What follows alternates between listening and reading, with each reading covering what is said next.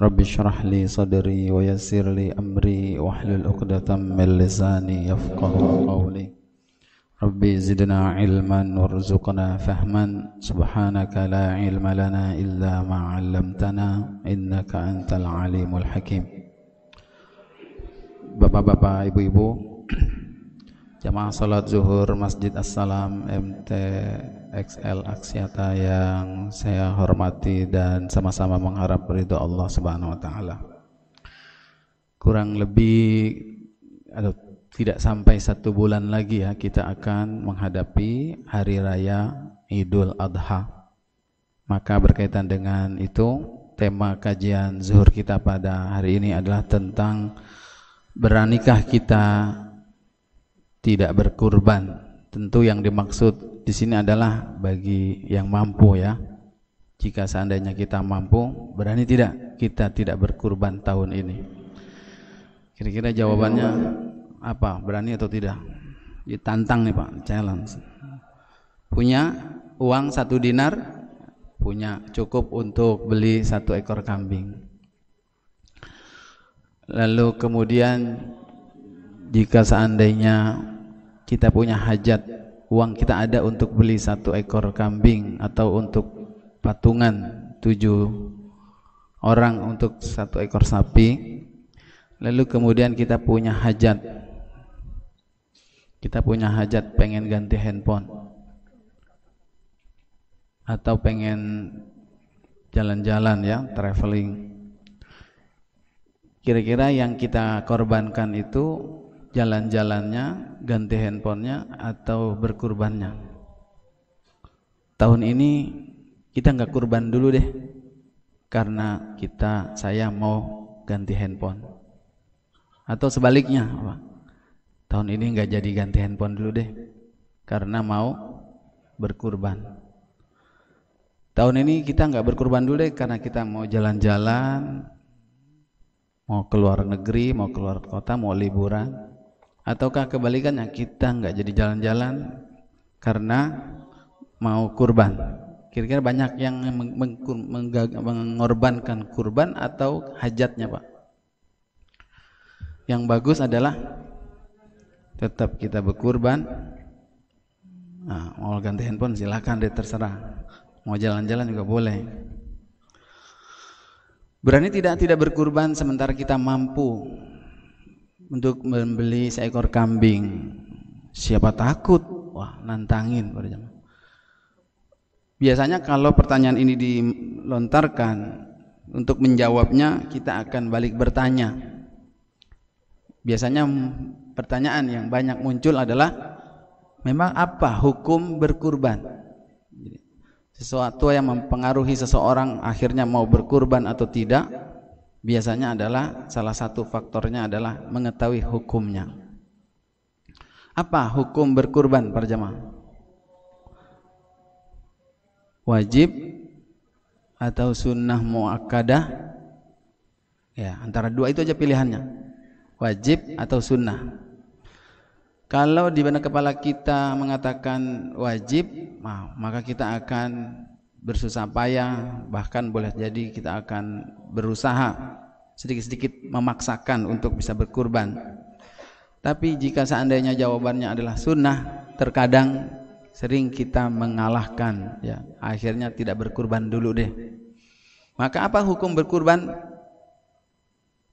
Para ulama jumhur ulama mayoritas ulama itu berpendapat bahwa kurban itu hukumnya adalah sunnah muakkadah, sunnah yang sangat ditekankan sekali. Yang menyatakan wajib bagi yang mampu itu adalah Imam Abu Hanifah, ya, satu mazhab dan juga beberapa ulama lainnya Al-Laits, Al-Auza'i itu mengatakan wajib, tapi jumhur ulama menyatakan sunnah muakkadah. Apa dalilnya para jamaah? Jumhur ulama berpendapat bahwa ini hukumnya adalah sunnah di antaranya adalah hadis Nabi Shallallahu Alaihi Wasallam yang diriwayatkan oleh Al Imam Muslim. Nabi Shallallahu Alaihi Wasallam mengatakan, "Idza ra'aitum hilala dzil hijjah, apabila kalian melihat hilal awal bulan bulan Zulhijjah, Ya, wa arada ahadukum an yudhhiya sedangkan salah seorang di antara kamu ingin berkurban fal yum fal yumsik an sya'rihi wa azafirihi. Maka hendaknya dia tahan. Jangan mencukur rambutnya jangan mencabut bulunya dan juga jangan memotong kukunya. Hadis riwayat Imam Muslim. Berdasarkan hadis ini hukumnya bahwa berkurban itu tidaklah wajib. Kenapa? Karena Rasulullah mengatakan wa arada ahadukum. Jadi Nabi tidak menekankan Nabi mengatakan dan salah seorang di antara kamu berkeinginan untuk berkurban maka tahanlah apa namanya rambut dan juga kukunya. Maka dari hadis ini para jumhur ulama ya, para ulama mayoritas berpendapat bahwa kurban itu hukumnya sunnah. Sunnahnya muakadah atau gair muakadah, maka ini bisa dilihat dari hadis yang lainnya, ya yaitu Rasulullah Shallallahu Alaihi Wasallam menyatakan dalam hadis yang lain mengatakan bahwasanya man wajada lahu sa'ah barang siapa yang mendapatkan kelapangan rezeki ya lalu kemudian walam yudohi kemudian dia tidak mau berkurban ya, diancam oleh Nabi Shallallahu Alaihi Wasallam fala yakrobanna musallana. Maka janganlah dia mendekati tempat sholat kami Nah, melihat larangan ini ada ancaman ini maka kita bisa mengetahui jenis sunnahnya adalah sunnah apa? Sunnahnya adalah sunnah muakkadah. Ya, sunnah yang sangat ditekankan. Lalu kemudian masih dalil yang menyatakan bahwa dia tidak wajib, ya, bahwa dia adalah sunnah, yaitu bahwasanya Nabi Shallallahu Alaihi Wasallam eh, diceritakan pernah berkurban an ummatihi yaitu dia beliau sallallahu alaihi wasallam berkurban untuk umatnya.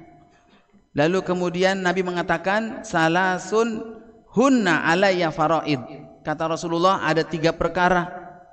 Di mana tiga perkara ini dia itu buat aku kata Nabi adalah wajib. Tetapi buat kamu walakum tatawwu, sedangkan buat kalian ini hukumnya sunnah. Apa tiga perkara ini?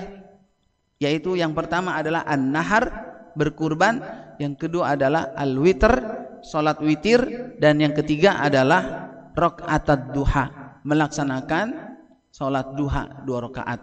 Buat aku kata Nabi tiga perkara ini eh, tiga perkara ini wajib tapi buat kalian adalah sunnah. Maka hadis ini menjelaskan kurban an-nahar itu hukumnya apa? Sunnah buat kalian. Oh, alhamdulillah berarti sunnah. Tuh, hadis itu dikeluarkan oleh Al-Imam Al-Hakim.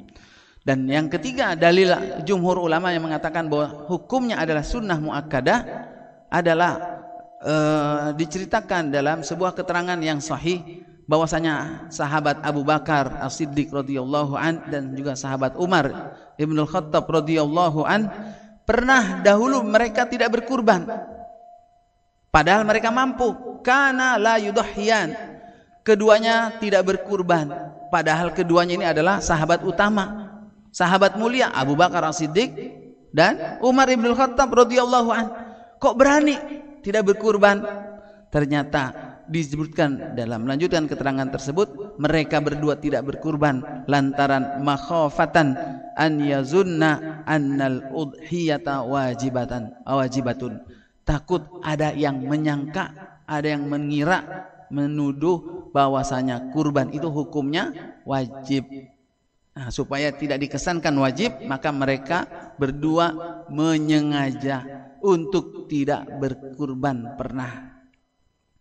Nah, dari keterangan dalil-dalil ini para jamaah, kalau kita dapatkan had, apa keterangan seperti ini, saya tanya lagi, berani tidak berkurban tidak? Tahun ini hukumnya sunnah muakkadah. Sahabat Abu Bakar dan Umar Ibn Khattab pernah tidak berkurban. Bagaimana dengan kita? Berani tidak berkurban? Tidak berkurban tahun ini? Barangkali berdasarkan keterangan-keterangan hadis, dalil-dalil yang sudah disebutkan tadi, boleh jadi ini yang menyebabkan seseorang akhirnya berani untuk tidak berkurban. Kenapa? Hukumnya sunnah ini. Kenapa? Oh, sahabat Abu Bakar, sahabat Umar, Ibnu Khattab saja apa namanya pernah tidak berkurban. Kenapa takut? Nah, Gitu para jamaah sekalian berbahagia. Maka biasanya dalil-dalil ini yang menyebabkan seseorang berani tidak ber tidak berkurban. Nah, kalau dalil-dalil ini tidak ada yang salah, tidak ini benar untuk di, di disampaikan sekedar untuk menyatakan atau menjelaskan tentang hukum berkurban. Tetapi jangan salah menyimpulkan dan jangan salah memahami bahwasanya dalil-dalil tadi itu ternyata menjadikan alasan buat kita ah untuk meremehkan hukum hukum kurban. Kenapa? Sebab ada dalil-dalil lainnya yang menyatakan meskipun ya meskipun kurban itu hukumnya adalah sunnah muakkadah, tetapi jangan sekali-sekali berani meninggalkannya. Dari mana dalilnya para jamaah? Yang pertama adalah di dalam Al-Qur'an. Ya, Allah Subhanahu wa taala menjelaskan tentang dalil berkurban itu yang kita kenal itu surat apa tuh? Yang paling pendek suratnya, ayatnya juga kita hafal. Surat Al Al-Kautsar. Allah menyatakan dalam ayat tersebut, A'udzubillahi minasyaitonirrajim, fasalli li wanhar. Di mana letaknya itu para jemaah? Salatlah Nabi Muhammad sallallahu alaihi wasallam diperintahkan untuk salat karena Tuhanmu, karena Allah Subhanahu wa taala, karena Rabbmu, wanhar dan berkurbanlah dua perintah eh, perintahnya dari Allah Subhanahu wa taala untuk menjalankan dua hal yaitu salat dan berkurban. Ternyata ini adalah perintah apa? Perintah berkurban itu disandingkan oleh Allah Subhanahu wa taala dengan perintah salat. Salatlah dan berkurbanlah. Maka di dalam tafsirnya para jemaah banyak menyebutkan kenapa Allah menyandingkan antara perintah salat dengan perintah kurban.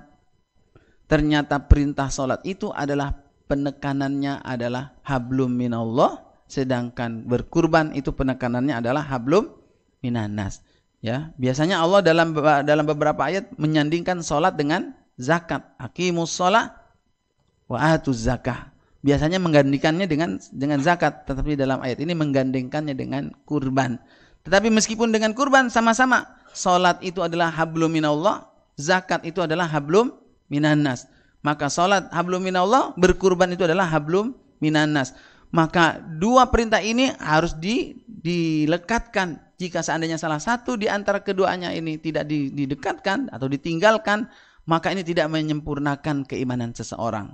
Nah, kalau dilihat dari penekanannya, wah berarti ini ada penekanan yang penekanan yang kuat.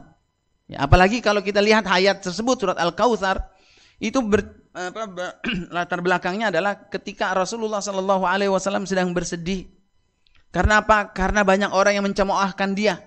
Karena banyak orang yang bersekutu, bersekongkol ingin apa memberikan sebutan apa yang paling pantas buat Nabi supaya orang-orang ini tidak percaya, tidak beriman kepada Rasulullah Shallallahu Alaihi Wasallam. Nabi lagi berpikir, kenapa kok perintah atau beban dari Allah Subhanahu Wa Taala begitu berat?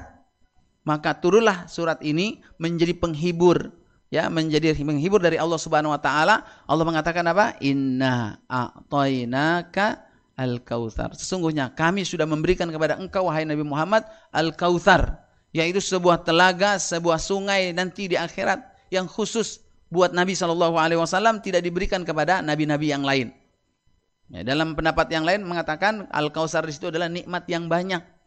Jadi di saat-saat sedang sedih, Allah Subhanahu wa taala memberikan hiburan bahwa nikmat yang Allah berikan kepada engkau itu banyak. Maka karena sudah banyak nikmat yang sudah Allah berikan, maka perintahnya sebagai rasa syukurnya adalah sholatlah dan berkurbanlah. Dan kemudian para jemaah, mana dalil lainnya yang mengatakan yang apa memberikan kesan bahwasanya pentingnya ibadah kurban itu.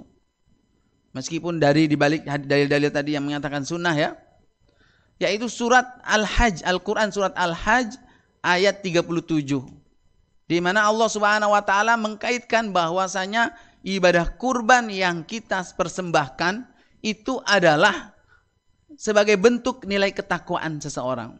Allah mengatakan la yanalallaha luhumuha wala dima'uha walakin yanaluhu taqwa minkum. Bahwasanya yang sampai kepada Allah itu bukan darahnya, bukan juga uh, dagingnya, tapi yang sampai kepada Allah itu adalah nilai takwa dari kalian. Maka berkurban itu adalah sebagai bentuk manifestasi bentuk ketakwaan kita dalam dalam diri kita, iman dalam diri kita. Maka kalau dengan demikian apalagi kalau kita kaitkan perjamaah antara kurban itu adalah berkaitan dengan rukun Islam yang kelima. Berkaitan dengan haji. Kalau ada saudara-saudara kita pergi haji di sana, mendapatkan kesempurnaan Islamnya, mendapatkan pahala besar, peluangnya, sementara kita tidak belum mendapatkan kesempatan untuk menunaikan ibadah haji, tetapi kita bisa membersamai mereka dengan ibadah kurbannya. Maka disetarakannya dengan ibadah haji momennya itu juga memberikan kesan pentingnya ibadah kurban. Ya membersamai mereka yang sedang susah-susah ya wukuf di Arafah kemudian ber, ke Muzdalifah baru kemudian nanti ke Mina lagi maka kita membersamai mereka dengan ibadah kurbannya.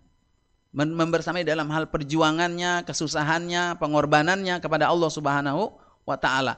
Maka kalau kita lihat apa namanya dalil-dalil pembandingnya yang lainnya yang menyertainya maka kembali kita pertanyakan kalau seandainya kita mampu saat ini untuk berkurban kira-kira berani tidak untuk tidak berkurban? Begitu.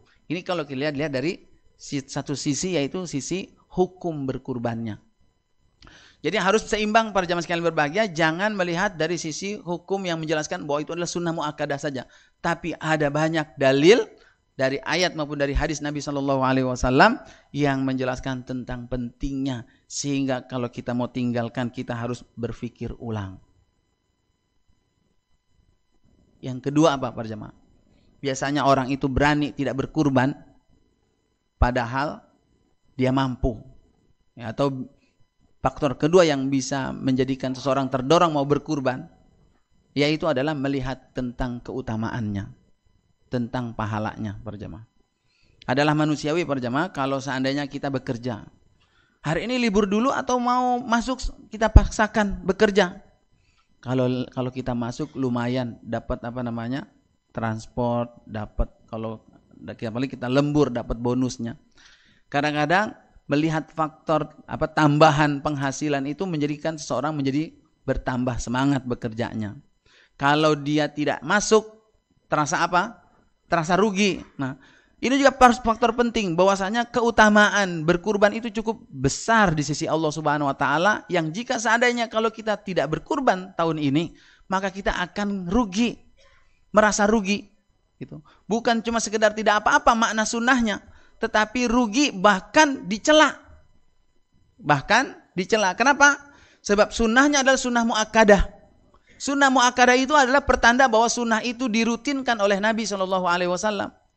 Yaitu tidak ditinggal-tinggal oleh Nabi Shallallahu Alaihi Wasallam. Dan siapa yang tidak mengerjakannya, dia akan mendapatkan celaan. Ya, yaitu apa? Hukumnya ternyata meskipun itu apa namanya sunnah muakkadah meninggalkannya itu mendapatkan kerugian yang sangat besar. Ada yang mengatakan para jemaah, ya udah kalau begitu Pak Ustadz mendingan ditetapkan saja kurban itu hukumnya wajib. Ya nggak usah disunah muakadahin kalau emang sedikit-sedikit maksa gitu ya. Jadi sebenarnya sunnah muakadah bagi yang mampu atau dia itu tetap wajib hukumnya. Sebagian ada yang mengatakan sama saja sebenarnya. Antara hukumnya wajib dengan sunnah muakadah bagi yang mampu sebenarnya beda-beda tipis cuma pertanyaannya adalah perjamaah beda tipis itu apakah berarti sama atau beda? Ya kita mampu nih Pak, punya kelapangan rezeki, itu hukumnya wajib atau sunnah muakkadah, itu apakah sama kalau kita apa namanya kalau kita meninggalkannya itu punya berdampak efek yang hukum yang sama atau tidak? Ternyata tidak sama. Tetap saja para ulama, jumhur ulama mengatakan meskipun bedanya tipis antara wajib dengan sunnah muakkadah, tetap saja kurban itu hukumnya adalah sunnah muakkadah. Tidak dikatakan wajib ya, tetapi sunnah muakkadah bagi yang mampu. Kenapa para jemaah? Sebab kalau ia wajib, maka berdosalah bagi orang-orang yang tidak berkurban. Berdosa. Tetapi kalau hukumnya itu sunnah muakkadah, mereka yang tidak berkurban hanya mendapatkan celaan. Ya, nggak apa-apa ah dicela, saya udah kebal Pak Ustaz, dicela sama orang-orang sering dibully. Ah, ini kalau orang yang ngebully kita, kalau manusia teman kita yang mencela kita, tapi kalau yang mencelanya adalah Allah Subhanahu wa taala dan rasulnya. Memang apa celaannya? Lihatlah hadis Nabi mengatakan apa? Fala yakrobanna musallana. Nabi seolah-olah apa namanya tidak suka kepada orang yang mampu tapi dia tidak mau berkurban. Jangan dekat-dekat tempat sholat kami. Maksudnya apa itu? Tempat sholat yang dimaksud pada jamaah. Tempat sholat yang dimaksud itu adalah sholat idul adha. Bukan berarti malah, oh begitu ya, kenapa kamu nggak nggak ke masjid-masjid lagi? Habis dilarang sama Nabi. Kenapa? Katanya nggak boleh dekat-dekat tempat sholatnya. Kemarin bagi orang yang berkurban, kemarin saya nggak kurban. Oh jadi alasan kamu nggak ke masjid, nggak ke musola. Nah, bukan itu maksudnya, yaitu jangan dekat-dekat musola kami tempat sholat id, sholat idul adha. Kenapa? Seolah-olah tidak bermanfaat, tidak berguna, percuma kalian sholat sementara kalian tidak memperhatikan faktor wa ablum minan nasnya Buat apa kalian baik hubungannya kepada Allah Subhanahu wa taala, hablum minallah, salatnya baik tetapi hablum minannasnya itu tidak bagus. Padahal hablum minannas itu adalah buah hasil dari hablum minallahnya. Oh, berarti kalau Nabi saja marah, Nabi saja marah, maka ini menjadikan hukum sunnah muakkadah itu tetap saja sunnah muakkadah. Kenapa? Itu kita lihat pada zaman bahwasanya ternyata yang dilihat itu dalam hadis tersebut Nabi menggunakan kalimat saatun man wajadalahu sa'ah. Tolong digaris bawah itu Pak, penting. Barang siapa yang mendapatkan sa'ah. Apa itu sa'ah? Sa'atun itu adalah wasi'un, kelapangan. Artinya apa para jamaah? Uangnya ada, kemampuannya ada, tapi bukan cuma sekedar ada, tapi lapang masih bisa buat apa, dialokasikan untuk yang lain, masih bisa untuk melakukan yang satunya lagi, urusan kita yang berikutnya. Itu namanya sa'ah. Berbeda dengan apa namanya? Berbeda dengan apa zakatul fitri ya, zakatul fitri. Siapa yang memiliki makanan untuk makan pada hari itu, ya, melebihi aja dari makan hari itu, maka dia sudah wajib mengeluarkan zakatul fitri. Kalau ini sa'ah, yaitu punya kelapangan bukan cuma punya uang segitu-segitunya umpamanya 3 juta berapa sekarang patungan sapi itu ada yang 5 juta ada yang 4 juta ada yang 3 juta 200 ada yang 3 juta 300 ada yang 3 juta nah bukan cuma itu-itunya yang dia punya tapi sa'ah punya kelapangan kalau itu dia keluarkan 3 jutanya maka dia tidak menjadi miskin dia tidak menjadi sempit sulit kehidupannya Nah, orang yang seperti ini pada zaman sekalian berapa yang ditekankan oleh Nabi Shallallahu Alaihi Wasallam untuk untuk berkurban. Lalu apa keutamaannya? Lihatlah dalam beberapa hadis Nabi Shallallahu Alaihi Wasallam menyebutkan ternyata Rasulullah Shallallahu Alaihi Wasallam Anna Nabi Shallallahu Alaihi Wasallam Nabi pernah berkurban. Dengan apa? Bikabsyaini amlahaini akranain Nabi Shallallahu Alaihi Wasallam saja pernah, bukan pernah berkurbannya itu dijelaskan nggak tanggung tanggung dengan dua kibas dan bukan sembarang, bukan satu tapi dua, bukan apa namanya, bukan sekedar kibas saja, kambing saja, tapi yang gemuk dan juga bertanduk itu menunjukkan kualitas kambingnya yang terbaik. Bahkan dalam bab apa Idul Adha dalam kitab Bulughul Maram itu Ternyata Nabi pernah berkurban dengan seekor kambing, pernah. Dengan dua ekor kambing, pernah. Pernah juga berkurban dengan seekor onta, pernah. Artinya Nabi merutinkan kurbannya dan banyak melakukan apa namanya bentuk kurbannya dengan yang dua pernah, yang satu pernah, yang lebih besar dari kambing juga pernah. Ini menunjukkan pada zaman sekalian berbahagia bahwa perhatian Nabi terhadap kurban ini besar. Lalu kemudian apa kata Nabi? Nah, disebutkan uh, bahwa Nabi SAW menyembelihnya dengan tangannya sendiri.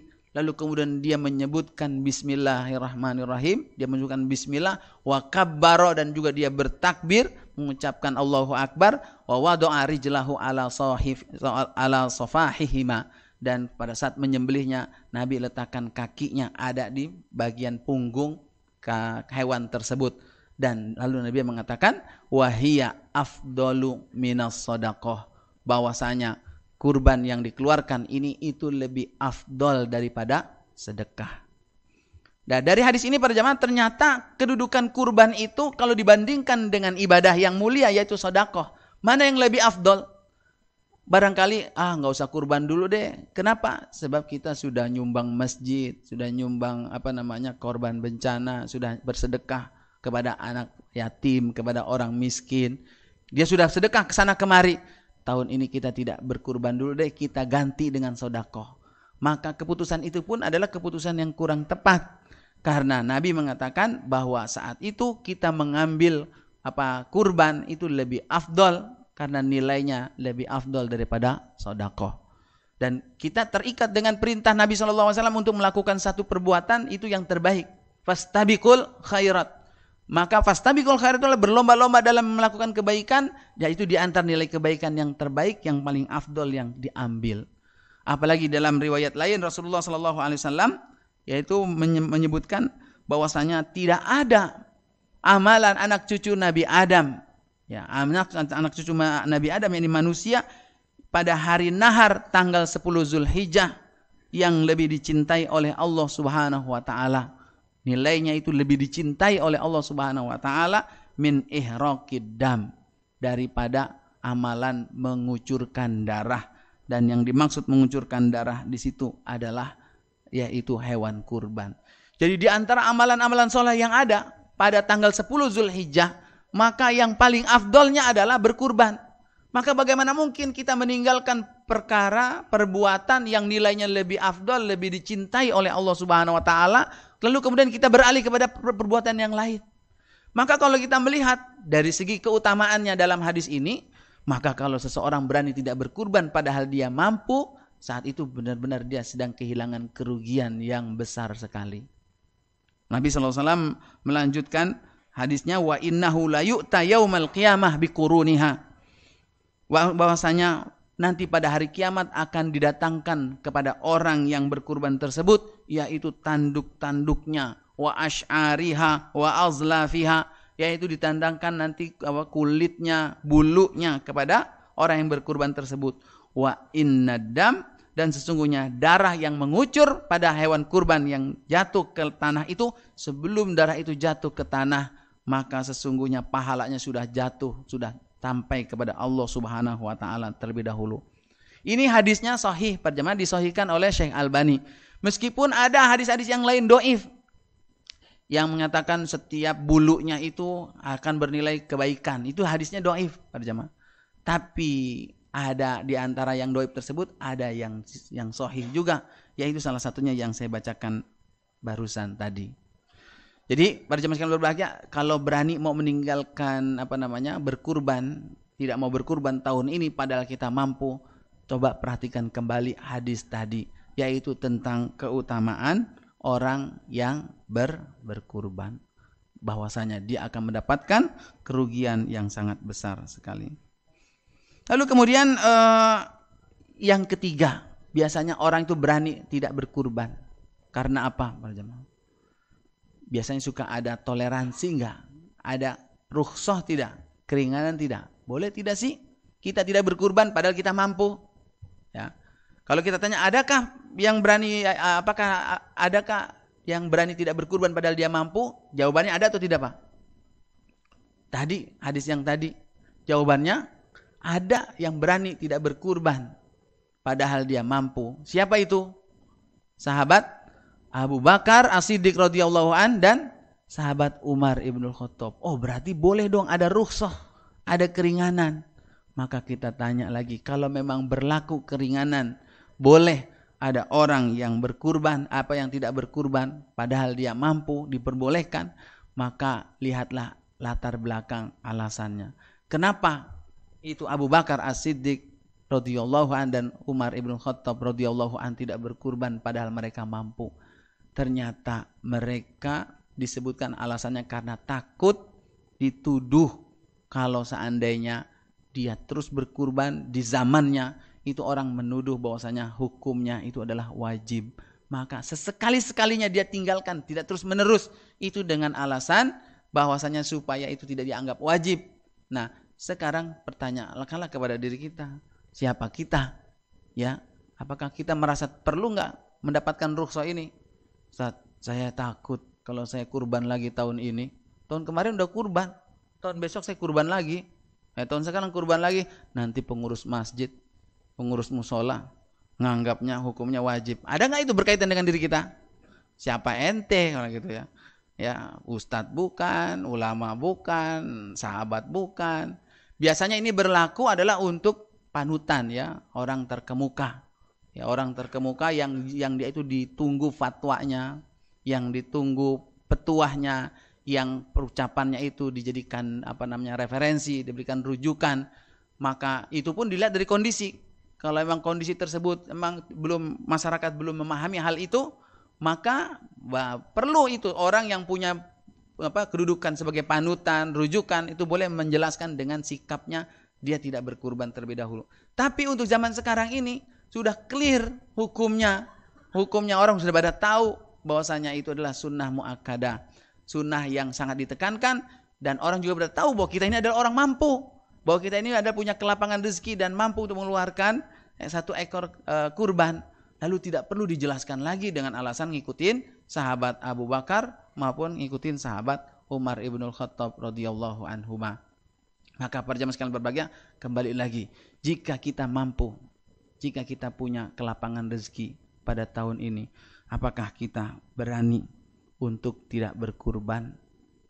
Dan yang terakhir lagi nih perjamaah yang terakhir lagi satu lagi kalau memang itu adalah sunnah muakkadah hukumnya ya kalau ternyata kita berani meninggalkan uh, berkurban sementara kita mampu maka satu lagi hukumnya adalah apa hukum bagi orang yang sengaja meninggalkan suatu sunnah yang Nabi Wasallam itu merutinkannya para sahabat, kaum muslimin itu merutinkannya, melakukannya, bersemangat, sementara dia berani meninggalkan sunnah muakkadah.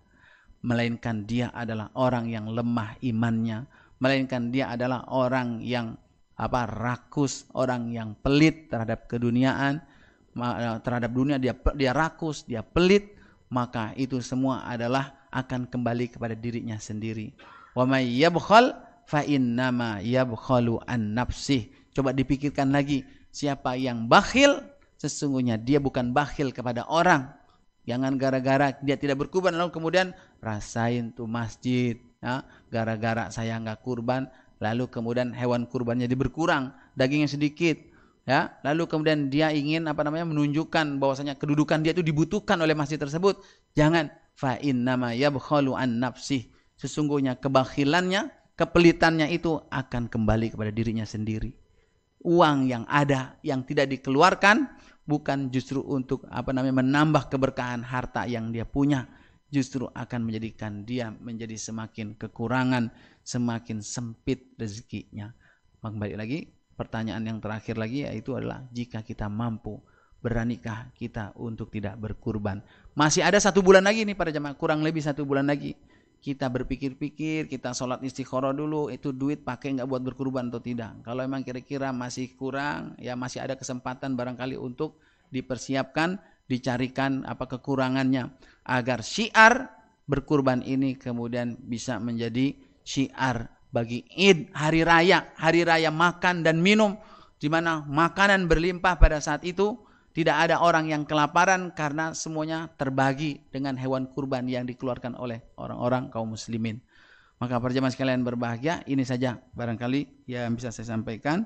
Mudah-mudahan uh, berguna dan bermanfaat untuk kita bersama. Barangkali sebelum ditutup masih ada lima menit. Dipersilakan ada yang mau dari jemaah apakah ada pertanyaan?